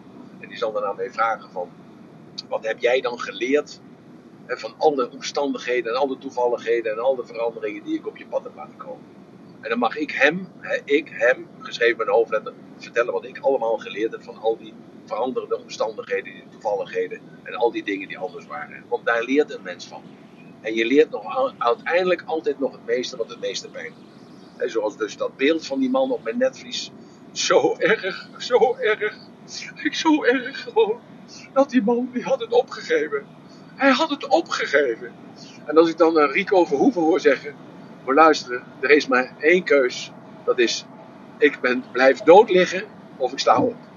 En zo is het gewoon. Maar niet iedereen schijnt dat karakter te hebben. En karakter wil zeggen dat je dat zelf ontwikkelt. Ontwikkel dat gewoon. Want de grote verandering moet nog komen. En als die grote verandering er niet komt, maar luisteren. Het kan niet anders. Want het kan met pappen en nat houden. En met elke keer met reparatie kun je dus uiteindelijk niet dat grote gebeuren tegenhouden. Want het is de natuur. De natuur neemt het over. En dat merk je gewoon overal. De natuur neemt het over. En lost het op. Dat gaat er gebeuren. En als je niet getraind bent in die verandering, ja, dan wordt het een hele, hele onoverkomelijke verandering. En dat is survival of the fittest. Dan breek je. Dan breek je. En als je je aan, aan, aanpast elke keer aan die verandering, en je, je blijft je wel verzetten, hè? dus je integreert dat in je waarden en je normen. Je past je waarden en je normen past je aan. En als je die niet meer aan kunt passen, ja, dan is het gebeurd met je, dan, dan moet je gaan. Emiel, we hebben Harold nog op het podium en het is ondertussen tien over tien. Dus ik denk dat we ook daarna richting afronding Ja. eh, kunnen gaan. Ja, sorry dat ik eh, een beetje emotioneel was en sorry dat er een beetje geruis was, dat ik moest doorrijden. Ik moet op tijd zijn in Almere. en volgens mij red ik het eh, allemaal. Dankjewel voor dat begrip. meneer. Ja, Harold. Harold. Harold. Ja, goedemorgen. Nee, ik wilde even ehm, onderbouwen wat je net zei, eh, Emiel. En normaal ben ik altijd eh, heel netjes in mijn woordkeuze. En dan zeg ik altijd Ja. kortom uitermate teleurstellend. Maar in dit geval is het gewoon een kutmaatschappij waar we nu in terecht zijn gekomen. Ik zei tegen Manoes, ik wil heel even stoom afblazen. Want ik heb net Miranda naar het ziekenhuis gebracht. En vanwege de verscherpte maatregelen mocht ik niet mee naar de afdeling. En dan moet je dus in de lobby moet je gewoon afscheid nemen. Ja, ja, ja. ja, Het is gewoon te krom voor woorden, echt. Maar goed, ehm, ik, ik moest het even kwijt. Dus Nee, maar ook ook dat is goed. dankjewel. Dat, dat mag ook. Eh, Dat is jouw gevoel, jouw waarneming, jouw tekort zijn, tekortkomen. Dat mag ook allemaal. Dus ook goed. Nou, ik hoop dat Miranda de operatie slaagt. Want daar gaat het uiteindelijk om. En ik ben ervan overtuigd dat ze in goede handen is. Ik ben er ook van overtuigd dat eh, dus, eh, de mensen die tegen jou gezegd hebben, je moet hier afscheid nemen, dat ook doen met een, een positieve intentie.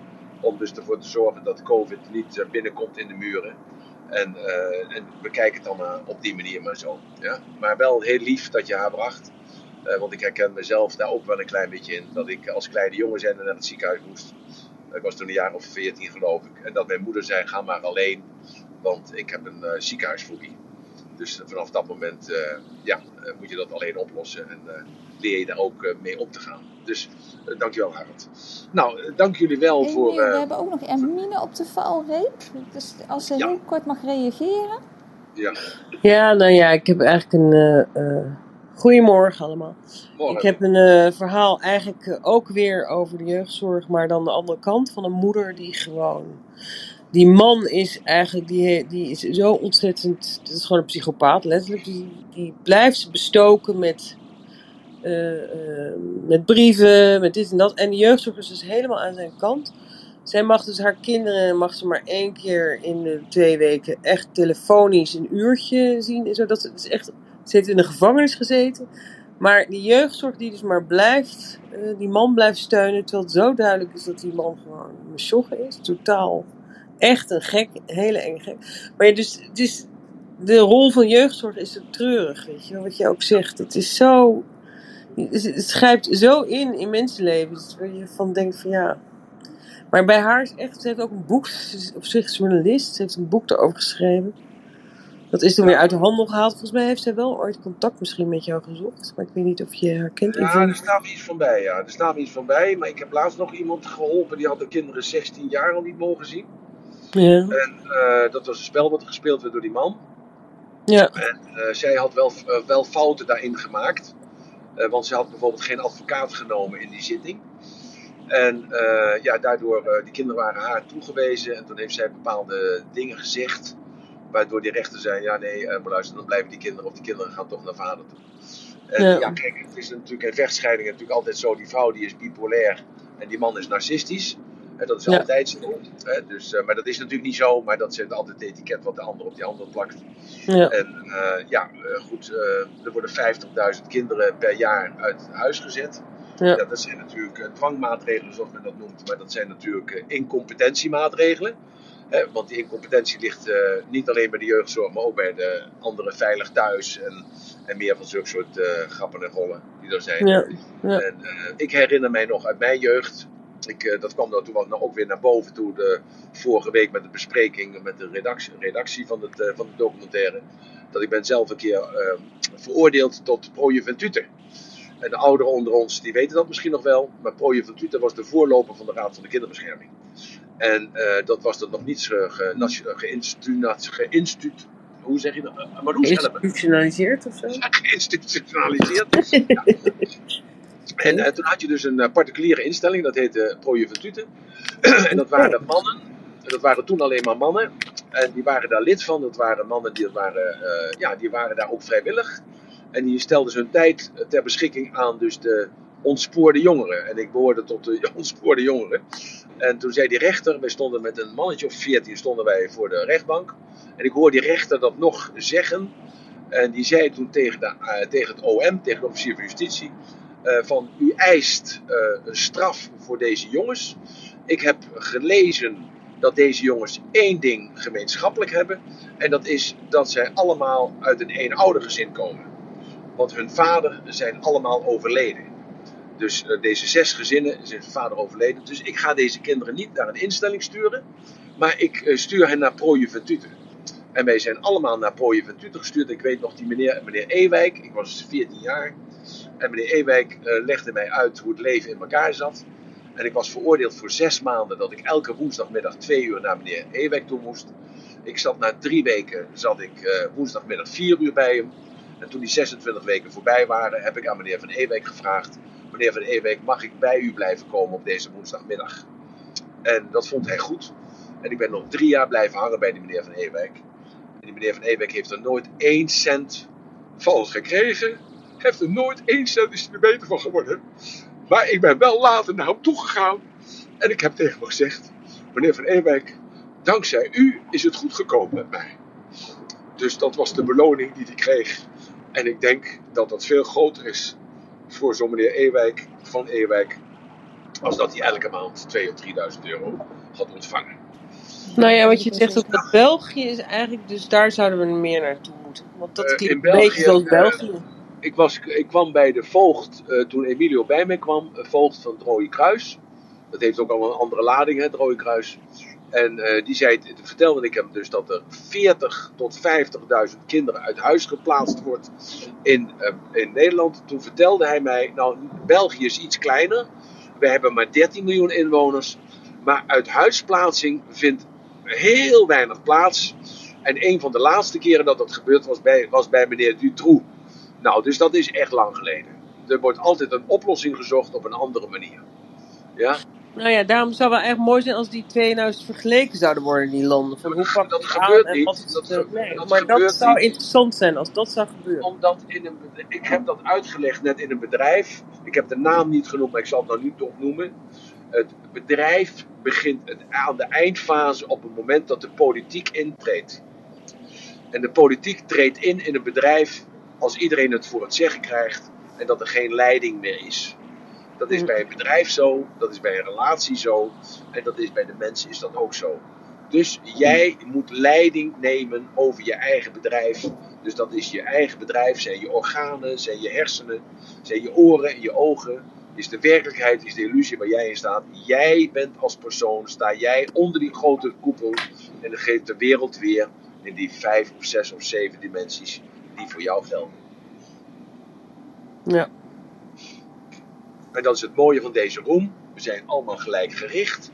Je komt en je gaat. Er zijn mensen die komen één dag in de week. Er zijn mensen die komen gewoon af en toe eens een keer. Er zijn mensen die zijn er elke dag. Er zijn er mensen die zijn. En dat is allemaal oké. Want het is vrijheid, blijheid. Het is geen les. Het is geen dogma. Je moet niets. Je mag alles. Als jij er aan toe bent, dan versta je dat. En dan doe je er wat mee. En vind je het kletskoek, is het ook oké. want dan is het kletskoek voor jou. En dat is ook, ook oké. Alles is oké. Dus daarom is het ook oké dat Harold zijn emoties naar boven komt eh, brengen.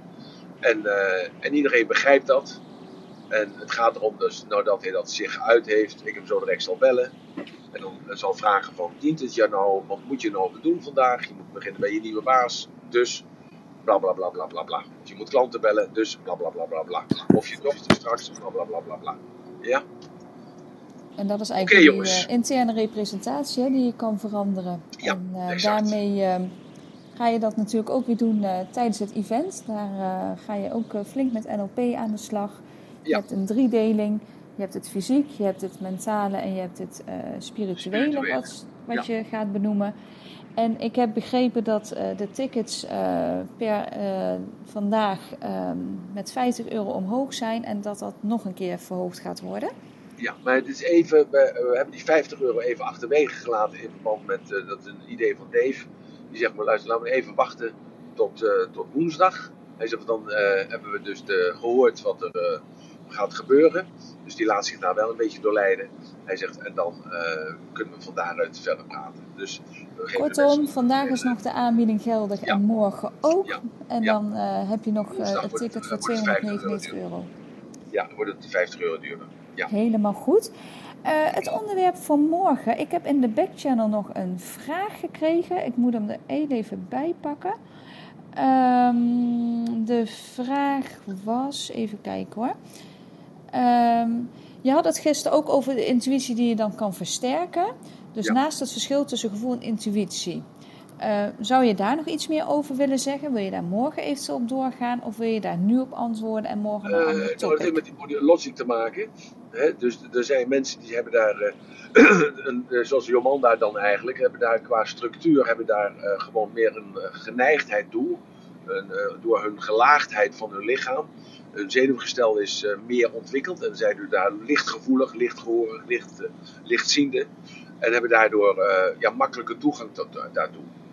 Eh, ik heb wel eens verteld van, eh, eh, van kijk, eh, ik kan wel de weg wijzen om verlicht te zijn. Ik kan het zelf nooit, zijn, nooit worden. Dat ligt aan mijn body logic. Eh, maar goed, daar kunnen we het nog wel een keer over hebben. Eh, maar eh, ja, was dat, ik hoop dat dat de vraag, dat het antwoord is eh, van die mevrouw. Want eh, dus als er geen, eh, je moet een bepaalde lichamelijke gesteldheid hebben om dat te kunnen, eh, te kunnen ervaren. Dus door dat sleutelgat te kijken, zeg maar, contact te hebben met degene zijde. En dat is één. En twee is het dan een kwestie van ook eh, trainen en oefenen. En dat moet je eigenlijk als kind zijn. Dan moet je dat, eh, als je als kind zijn, dan staat het derde oog altijd open. Als ik wat zeg dat iemand niet begrijpt, moet ik dat maar even zeggen. Als kind staat het derde oog open. En de omgeving doet er alles aan om ervoor te zorgen dat het derde oog dicht gaat. En dan komt die body logic weer. Dat je eh, bij bepaalde types eh, blijft dat toch sluimeren. En eh, dat is meer de, de eivorm. En als dat eivorm dus overheersend is, ik heb een paar vriendinnetjes die zitten echt heel in die eivorm. Ja, en die hebben voortdurend toegang daartoe. En, ehm, ja, en die weten dus ook, degene zijde laat zich niet, niet dwingen. En ook niet leiden. Hè, want daar is alleen maar licht. En, eh, ja, en in dat licht is er geen tijd en geen breedte, geen hoogte, eh, geen massa. Geen, er, is, er is niks, er is alleen maar licht. En dat is voor een eh, eenvoudige ziel zo- zoals ik, zoals ik in elkaar zit, niet begrijpbaar. Dus ik moet daar eigenlijk ook niet over spreken. Maar ik probeer het dan toch een klein beetje te duiden. Dat als je dus gericht bent op die intuïtie, dan moet je je oefenen, oefenen, oefenen. Eh, om dus in die staat te blijven. Ik heb een keer een eh, contact gehad met een vrouw uit eh Wieringerwerf. en die mevrouw die leefde alleen op water. Nou wil ik geen reclame maken om dat te gaan doen, dames en heren. Die mevrouw leefde alleen op water. En die mevrouw die was eigenlijk als het ware al astraal toen ze nog leefde. En, maar ze had ook geen enkele fysieke energie. Zij zat op haar stoel, ze lag half op die stoel. Daar sliep ze ook in. Eh, daar, eh, daar sprak ze dan ook uit. Eh, en die was eigenlijk al met. eh, die, die was eigenlijk al aan gene zijde. Nou ja, er Ja, zijn en- ook mensen die leven van het licht, hè? Die, die, die Ja. eh, proberen ja, dat. Ja, ja, dat, eh, ja, die leefde echt van het licht. En eh, ja, dat, eh, ze is wel overgegaan uiteindelijk. Dus eh, ik heb een, ben een paar keer bij haar geweest om eh, contact met haar te, te maken. En dat lukte ook wel, maar ik had dat toch wel. eh, ja, mijn verstand stond me in de weg, laat ik het dan eens even wat plastisch zeggen. Terwijl ik wel weet dat het zo is, natuurlijk, door mijn eigen ervaring ook. Maar, eh, nou ja, goed, dat verhaal dat kennen we. Oké, maar waar gaan we het morgen over hebben? Tovik of Dick dan, heb jij misschien een suggestie? Ehm, eh, voor, voor een onderwerp voor, voor morgen? Mhm. Ja? Je kunt ook spontaan doen morgen. Ja, Ik heb begrepen dat er geen moderator morgen is. Ik ben er Ja, hoor, ik alleen. ben er morgen. Of ben jij er morgen? Ik ben er morgen. Oh, Woensdag ben je alleen. nou ja, we kunnen het wel eens hebben over gene zijde. Gene zijde. Ja, ik, eh, ik doe anders nog even, maar of, of eh, ja, maar natuurlijk wel, eh, dat wel heel gevaarlijk, hè? Dus eh, Ja. dat heeft niks te maken met eh, de stoffen. Ik heb het altijd over de materie natuurlijk, hè? En eh, ik heb het altijd natuurlijk over de, de, de energetisch. eh, wat, is, wat is nou energetisch? Hè? En eh, wat is de verbinding met, het, eh, met hoe beïnvloedt gene zijde ons? Hè? En niet hoe wij, hoe, wij, hoe wij beïnvloeden, want dat is natuurlijk dat is gewoon een membraan van één kant. Zo, dus, dus daar kunnen we dan wel. en hoe manifesteert zich dat? Hè, maar dat is, dat is geloven. Dat is geloven. En dat is dus iets, ja, eigenlijk, eigenlijk moeten we dat ook niet doen. Want eh, dat is net als religie. We praten ook niet over een, eh, over dus de, over christendom of over jodendom. Hè? Dus eh, wat daar positief aan is of negatief aan is, want dat is, dat is een geloof, dat is ook een weten. En dus dat, dat moeten we dan maar niet doen. Nee, dus dat lijkt me niet goed. Wat, wat dan? Ik, ik, ik, ehm, eh, ik verdiep me de laatste tijd wat meer in, in eh, familiesystemen, hè, familieopstellingen. Ik, ik, ik- waarschijnlijk is dat vaker hier in, room, eh, in deze room eh, te sprake gekomen. Maar is Ja. dat misschien een onderwerp voor morgen dat we dat kunnen behandelen? Ja, ik kan er wel over praten, maar dat, daar hebben we een andere specialist voor, dat is Martijn. Die was gisteren ook in de room. En eh, dus daar weet ik niet zoveel van. Ik heb dat wel een paar Ah. keer meegemaakt. Eh, maar ik heb daar, daar zit ik dan te rationeel van in elkaar. Zal ik Dus dat- vragen of Martijn er een keer met jou over wil praten? We hebben dat al een keer gedaan, toch? Ja, misschien is het al wel een half jaar geleden. Ik kan me niet Ja, herinneren goed. dat het Nee, onlangs dat- is geweest. Ja, oké. Als het maar geen reclame wordt voor zijn instituut. Ik eh, zal vragen en eh, even overleggen. Komt goed. eh, en dan komen we Ja. erop terug, Dick. Ja. Ehm, niemand anders een mooie inbreng? Wat zeg je, Harold? Harold? We geven je ons even weg. Ja, hij eh, had zich ontmute, dus ik dacht dat hij wat wilde zeggen. Eh, nou, dan lijkt het me eigenlijk wel mooi om eventueel eh, verder te gaan met NLP. En we hebben nou die submodaliteiten gehad. Maar je hebt ook een aantal ja, andere mooie onderwerpen daarvan. Dus ehm, kunnen we een breakstage doen? Of... Ja, we kunnen het over overtuigingen hebben. La- Laten we morgen maar een beetje open frame doen. Misschien is dat wel een. Hè? Open Dan, eh, frame. misschien, Helemaal goed. dan misschien komen er toch dat mensen naar boven toe die dat toch willen hebben over het astrale en over gene zijde of zo. Dat ze dat, eh, ja, hoe, hoe, dat, hoe dat in elkaar zit en hoe je dat kunt benaderen. En eh, ja, hoe, hoe je er ook af moet blijven, waarom en dergelijke. Ja? Helemaal goed. Nou, goed. Nou, het Dus dat- ratelbandje. Het ratelbandje voor vandaag is eigenlijk, eh, dat, dat vond ik zo mooi gezegd door Daniel zo net. Want dat, dat is ook zo, dat je elke dag met alles wat je doet, vandaag, dat doe je niet alleen voor jezelf. Dat doe je ook voor anderen. Je doet het altijd ook om deze wereld een ander stukje beter achter te laten als dat die kwam toen je kwam. En als dat je intentie is en wordt voor vandaag, dan denk ik dat het een geheiligde dag gaat worden voor jou. Dank jullie wel voor jullie aandacht, energie en eh, tijd. Dank jullie wel voor jullie in, eh, voor, voor, voor, dit mooie, voor deze mooie roem, die alle kanten op eh, zw- zwiepte. Hè? Alle kanten, alle emoties van de regenboog eh, pakte. Dank jullie wel daarvoor. En eh, ik wens jullie een hele mooie dag met de realisatie van eh, dat je het niet alleen doet voor jezelf, maar vooral voor anderen. Voor je kinderen, voor je schoonouders, voor je neven, voor je tante, voor je buurvrouw, voor je buurman. Voor degene aan de andere kant van het dorp. En zeker voor de andere kant van deze wereld. Dank jullie wel en tot morgen.